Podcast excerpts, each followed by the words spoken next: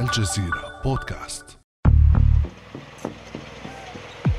طائرة شبحية تسير في السماء كأنها الظل نفسه. متعددة المهام تستطلع وتراقب تحلق وتناور تضرب وتختفي في لمح البصر. وبسرعة تفوق سرعة الصوت والرادارات لا تلتقطها إلا بعد فوات الأوان. هذه المواصفات قد تراها مبالغا فيها أو مستنسخة من فيلم هوليوودي. لكنها موجودة في الواقع في مقاتلات الجيل الخامس الشبحية. كنت أسأل القوات الجوية عن جودة هذه الطائرة وقالوا لي أنها طائرة شبحية. ثم سألتهم عن كفاءتها في التمارين وفي ميادين القتال وأخبروني أنها متفوقة دائما لأن العدو لا يراها ولا تظهر له على الرادار. بهذه الكلمات تباهى الرئيس الأمريكي السابق دونالد ترامب بقدرات مقاتلة الإف 35 الأمريكية لكن أمريكا ليست وحدها في سوق السلاح. روسيا والصين أيضا تشكلان رقما صعبا في هذه المنافسة الشرسة على التفوق الجوي بينما تتسابق الدول الأخرى للانضمام إلى نادي ذوات مقاتلات الجيل الخامس. فما هي مقاتلات الجيل الخامس؟ وما هي مزايا هذه الطائرات الشبحيه ولماذا تتسابق الدول على صنعها؟ وما موقع العرب من هذه التكنولوجيا؟ بعد أمس من الجزيرة بودكاست أنا خديجة بن جنة.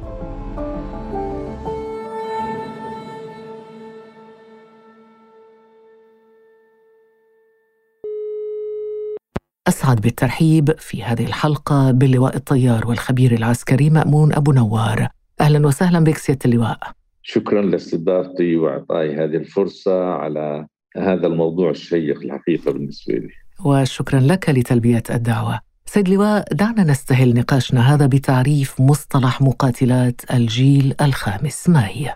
يعني كما وصفتيها أستاذة خديجة بالضبط هذه هي طائرة الجيل الخامس. هي طائرة خفية من الصعب كشفها بوسط الرادارات الجوية أو الأرضية. لديها تكنولوجيا عالية جدا الحقيقة تعطي الطيار الوعي الجوي القتالي كامل في مسرح العمليات. هي عبارة عن محطة بث للبيانات التي لديها لهذه الطائرة إلى الطائرات الأخرى لتعطيهم أيضا الوعي القتالي وهو رقم واحد في أي قتال جوي هي ترى اولا وتقتل اولا أي طائره تواجهها هذا بشكل خصير يعني الكمبيوترات والسوفت وير تبعها والاستشعارات والمجسات عالية المستوى ولا يوجد طائرات ثانية بنفس هذا المستوى. في تمرين في أمريكا بسموه العلم الأحمر وهو من أعظم التمارين في العالم وصحت لي الفرصة أني أشارك فيه بالثمانينات هذا التمرين يعني قريب من الواقع للمعارك الجوية. فاشتركت طائرات ال F 35 فيه وكان نسبة القتل بحدود 20 إلى واحد. يعني هذا كان في الثمانينيات. نحن نتحدث عن مقاتلات F 35 كانت موجودة من زمان. لا لا اف 35 بالتسعينات بلش فيها. أنا أقول نسبة القتل شاركت في الوقت الحالي ما بهذا التمرين. فكان نسبة القتل واحد إلى 20 بالنسبة لطائرة الاف 35 هي يعني التكنولوجيا اللي فيها عظيمة جدا لكن في شغلة يعني يجب أن نتطرقها المسافة مهمة لأن أي تعليق يعني تنكات وقود على هيكل أو بدن هذه الطائرة تسقط عامل الخفي تبعها. آه لأن هي تمتص النبضات الرادارية الهيكل والبدن تبعها. يعني يعطيها هذه المواصفة مع طبعا المواد اللي صنعت منها الكربون فايبر الألمنيوم كثير من المواد الأخيرة لكن تدهن بطريقة إنها تمتص هذه النبضات الرادارية. تبعها المقطع الراداري تبعها صغير جدا برضه فبصعوبة ما كان الرادارات تلتقطها الأرضية أو الجوية بهذا الخصوص. طب هذا يقودنا للسؤال لواء مأمون أبو نوار عن الفرق بين مقاتلات الجيل الخامس ومقاتلات الجيل الرابع والرابع والنصف بما أنك تعرف أيضا هذا النوع من المقاتلات القديمة وأجريت تمرينات على ذلك في الولايات المتحدة الأمريكية كما ذكرت. نعم أنا يعني عاصرت طائرات صنعت بالخمسين كالهوكر هانتر ويعني صحت لي الفرصة أني أطيرها أيضا لسنوات ومن ثم انتقلت إلى طائرة ال F 5 ومن ثم طائرات الميراج وال F 16 واللي هي الجيل الرابع. فيعني أنا بتذكر نفسي لما رحت كنت أطير طائرات ال F 5 رحنا نقيم فرضا معلش أحكيها كقصة هون للمستمع أيضا. كان هنالك فرق كبير لما دخلت على قمره القيادة تبع ال F 16 الحقيقة. فرق كبير جدا بالنسبة للطيران بواسطة بسموه ال fly by wire يعني بالنسبة للكهرباء. المقود كان عبارة عن كهرباء لهذه الطائرة يضغط عليه الطيار وبتتحرك معه باتجاهات مختلفة للمناورة. لكن الشيء اللي كان يعني صدمني الحقيقة اللي هي الرادار. شاشة الرادار كانت في الطائرات القديمة الجيل الثالث يعني عادي لكن فيها مخربش الشاشه تبع هاي زجاج زي ما بنشوفها يعني جلاس كوكبيت بسموها اللي هي بتبين زي لعبة الأتاري يعني كل شيء واضح امامي بالنسبة للأهداف وإلى ذلك. فيعني نقلي كبيرة جدا إني أنا كطيار من الجيل الثالث والثاني خليني أقول لما حطوني بطائرة الجيل الرابع شعرت الفرق الهائل بين الثنتين. بالنسبة لقوة دفعها بالنسبة لمناورتها تسارعها بالنسبة أيضا للتكنولوجيا كانت عالية جدا في فرق بين الجالين. لكن الخامس اللي هي يعني بتفوق فيه الأمريكان اللي هي الرابتور ال 22 وال F 35 هؤلاء الطائرتين يعني الأفضل في العالم أنا برأيي. تأتي بعدها يمكن الطائرة الروسية السو 57 طب شو الفرق بين سوخوي 57 الروسية والطائرات الأمريكية من الجيل الخامس ال F 35 يعني التكنولوجيا أعتقد السوق 57 ليس بالمستوى تبع ال 35 أو الرابتور ال 22 طائرة ال 22 هاي. أيضا عندهم مشاكل في الماتور محركات تبعينهم. ولذلك شعرنا إنه الهند آه، تركت المشروع اللي كانت هي بمشروع ال 57 روسية. بالنسبة لنقل التكنولوجيا وبالنسبه إنه تأخروا كثير وتحتاج إلى تمويل خارجي وروسيا بتطلع لهذا التمويل. هنالك الجزائر ممكن أن تشتريها لكن هنالك شروط للجزائر أيضا بتقول إنه لا أنا بدي أجربها في الجزائر وهذه سياسة حصيفة الحقيقة بهذا المستوى. هنا تتحدث عن سخوي 57 الروسية. نعم صحيح.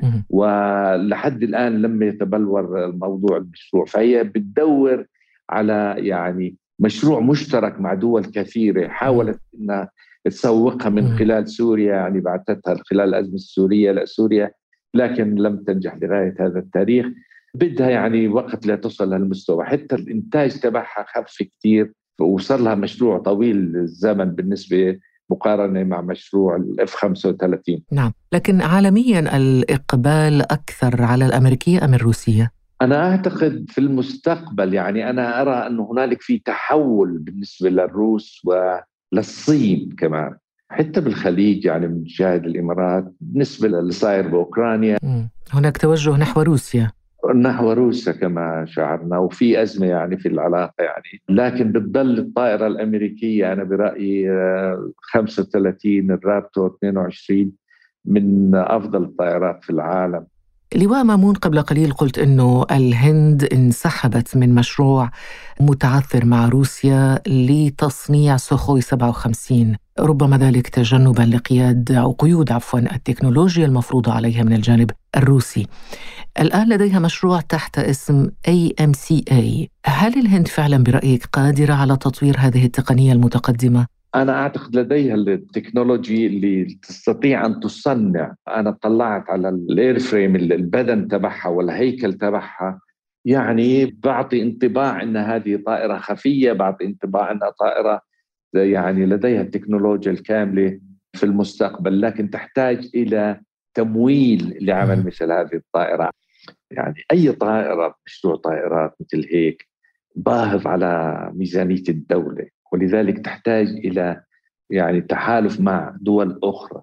لكن الهند لديها التكنولوجيا يعني هي خبيرة في ال computers وال software وإلى آخره. وهذه مهمة في الطائرات المتقدمة الحقيقة حتى في الجيل السادس. يعني هذه لن تقف الكمبيوترات وال software leading technologies كما يقال لن يتوقف في الطائرات الخامسة الجيل الخامس أو الجيل السادس. اللي بدوا الآن يفكروا في تصنيعها الحقيقة. يعني هناك جيل سادس أيضا. أي نعم جاي على الطريق. وبدوا يعني يصمموا فيه من ناحية الهيكل البدن. لكن أهم شيء بهذا الخصوص اللي هي محركات هذه الطائرات. ما خصوصية هذه المحركات؟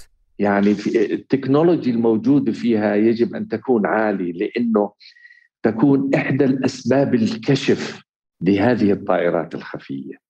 هون في قصة طريفة حصلت معي كنت أجرب أو أقيم طائرة الاف 20 أمريكية فبعد ما نزلنا من الطائرة فبقول لي حط إيدك على العادم على الإكزوست اللي بطلع النار هذا اللي بتشوفوه ورا الطائرة فطلعت فيه باستغراب وقلت له يعني أنا هل أنت يعني تعني ما تقول؟ فبعد يعني من الحديث وكذا يعني مر حوالي عشر دقائق ما شفته إلا حط إيده في مكان ال exhaust العادم فهذا بدل على التكنولوجيا العالية اللي وصلت في مثل هذه الطائرات هي لا تصدر هذه الاشعاعات الكبيرة لكشفها. نعم. لواء مامون ماذا عن الصين التي يقال إنها انضمت مؤخرا إلى نادي ذوات مقاتلات الجيل الخامس بمقاتلة شانغدو جي 20 بينما تشير بعض التقارير إلى أن قدراتها أقل من المقاتلات الروسية والأمريكية، هل هي بالفعل كذلك؟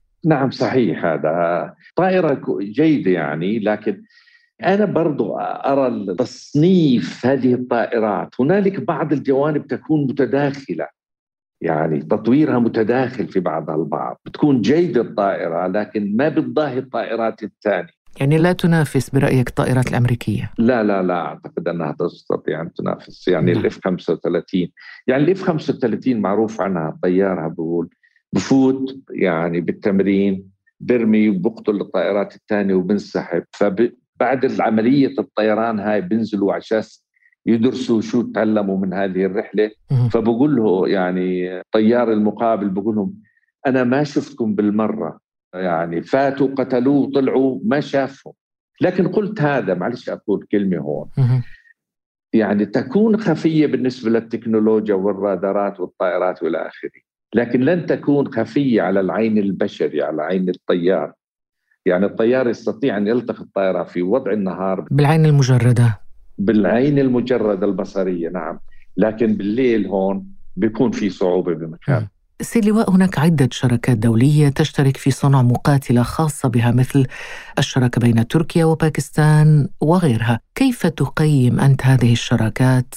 وما العقبات التي يمكن أن تواجهها؟ يعني ذكرنا إنه يجب أن يكون المشروع مشترك. علاقة الباكستان تركيه قوية جدا في التصنيع العسكري بشكل عام. أعتقد سوف ينجحوا ال TFX بسموها الطائرة التركية واحتاجت مهندسين باكستانيين لتطوير هذه الطائرة. وأعتقد أنها أنا أتوقع بحدود ال يعني العشر سنوات سوف تكون يعني في الأجواء التركية. نتيجة لعدم إعطاء تركيا ال F 16 طلبتها ويعني إخراجها من مشروع ال F 35 نتيجة ال S 400 يعني هي استبعدت أنقرة من هذا المشروع مع أمريكا بسبب شرائها منظومة الدفاع الجوية الروسية S 400 نعم صحيح. هذا هو السبب الرئيسي. هنا خلينا نستمع سيادة اللواء إلى كلام الرئيس الأمريكي السابق دونالد ترامب في هذا السياق. علاقتنا مع تركيا ممتازة جدا. لكننا الآن نقول لتركيا أننا لن نبيع لكم مقاتلات أف 35 لأنكم أجبرتم على شراء منظومة أس 400 الروسية. إنهم في وضع صعب للغاية ووضعنا نحن الولايات المتحدة صعب أيضا. والسبب أنهم اشتروا هذه المنظومة الروسية فلا يسمح لنا ببيعهم طائرات تقدر قيمتها بمليارات الدولارات. إنه ليس وضعا عادلا. لماذا برأيك سيد لواء هذا التوجس الأمريكي من أن تقوم أي دولة بالجمع بين الضرتين الأمريكية F-35 والروسية S-400 نعم لكن لابد أن أذكر هنا أن تركيا طلبت الباتريوت ولم يسمحوا لها الأمريكان وكانت في شمال سوريا في إذا بتتذكري معنا نعم. أخت خديجة لكن توجس لإنه هذا سوف يضر بالهيمنة الأمريكية بالنسبة للطائرات والناتو أيضا. لإنه كل المعلومات والبيانات تبع طائرات ال F 35 ممكن أن تصل للروس خليني أقول. لكن قلت هذا أيضا من الصعب في مكان يعني دمج ال S 400 الروسي مع ال system الغربي. من الصعب بمكان دمج هاتان المنظومتان مع بعضهم البعض لأنه هنالك ما يسمى تمييز الصديق من العدو بالجو. يعني في آلات معينة أو أجهزة معينة بس يطلع مسيطر على الرادار يستطيع أن يميز هذه طائره عدو أم صديقة وبتعامل معها على هذا الشكل. الآن بالنسبة للرادارات الروسية سوف يكون بصعوبه إنه يخاف من تسريب المعلومات بالنسبة للطائرات ال 35 إلى روسيا. قلت هذا هنالك رادارات يعني بسوريا قريبة من الطائرات الإيدر الإسرائيلية اللي هي ال 35 تلتقط معظم البيانات عنها. نعم. طيب بخصوص الشرق الأوسط هل هناك فرق بين سياسة الرئيس السابق دونالد ترامب والرئيس الحالي جو بايدن تجاه عملية بيع مقاتلات الجيل الخامس لدول في الشرق الأوسط غير إسرائيل؟ نعم في الإمارات كانت بدها تأخذها. كان يعني المشروع موازي لعملية اتفاق إبراهام فكانت ضمن ال system لكن وقفها بايدن على ما أعتقد بخصوص إنه الحرب في اليمن وأيضا إنه العامل حقوق الإنسان والديمقراطية والى آخره يعني. فعملوا بوز اوقفوا المشروع بهذا الخصوص. هناك سباق تسلح طبعا لا يتوقف هذا السباق والجداول الزمنية لهذه المشاريع تتوقع جاهزية مقاتلات الجيل الخامس بحلول 2030 برأيك هل هذه التوقعات فعلا واقعية؟ نعم صحيح. هو يعني السياسة الأمريكية بايدن أو ترامب على ما أعتقد زادوا من سباق التسلح في المنطقة. يعني هذا ملحوظ. لذلك نرى يعني التنافس الكبير على هذه الطائرات بشكل عام. دائما التنافس والسباق يؤدي إلى عدم الاستقرار في أي منطقة يعني. ممكن أن يكون هذا. نعم. قبل قليل آه، سيد لواء مامون ابو نوار ذكرت مقاتلات الجيل السادس وهي في الطريق على ما يبدو. وبالفعل بدأت عدة دول بالعمل على مقاتلات الجيل السادس مبكرا. ما الإضافات التي تتوقع وجودها في هذا الجيل السادس؟ يعني ذكرت أنا بالنسبة للكمبيوتر أو السوفت وير هذا سوف يبقى معنا لفترات طويلة من الزمن وسوف تكون هنالك تكنولوجيا جديدة بهذا الخصوص. أعتقد الأسلحة أيضا اللي سوف تستخدمها هذه الطائرات سوف تكون هامة جدا. على أبعد من المدى البصري يعني سوف تكون لتعالج أهدافها بشكل عام. الرادارات الخوذة سوف تختلف اللي حكينا عنها هاي. فسوف يكون هنالك قفزة نوعية بهذا الخصوص. قلت هذا أنا من يعني اللي أرجح أن هنالك دائما في تداخل بين هذه الطائرات بشكل ما. تحسين سوف يكون. ممكن أن تستخدم الأقمار الاصطناعية ممكن أن تحمل صواريخ لمعالجة واسقاط الأقمار الصناعية أيضا فسوف يكون مجالاتها كبيرة جدا بهذا الخصوص. لا يسعنا في ختام هذه الحلقة إلا أن نشكرك الأستاذ اللواء الطيار والخبير العسكري مأمون أبو نوار على هذه المعلومات المهمة حول المقاتلات الجيل الخامس ومزاياها وعن تسابق الدول لتصنيعها، شكرا جزيلا لك. شكرا يا ستي. شكرا لك كان هذا بعد أمس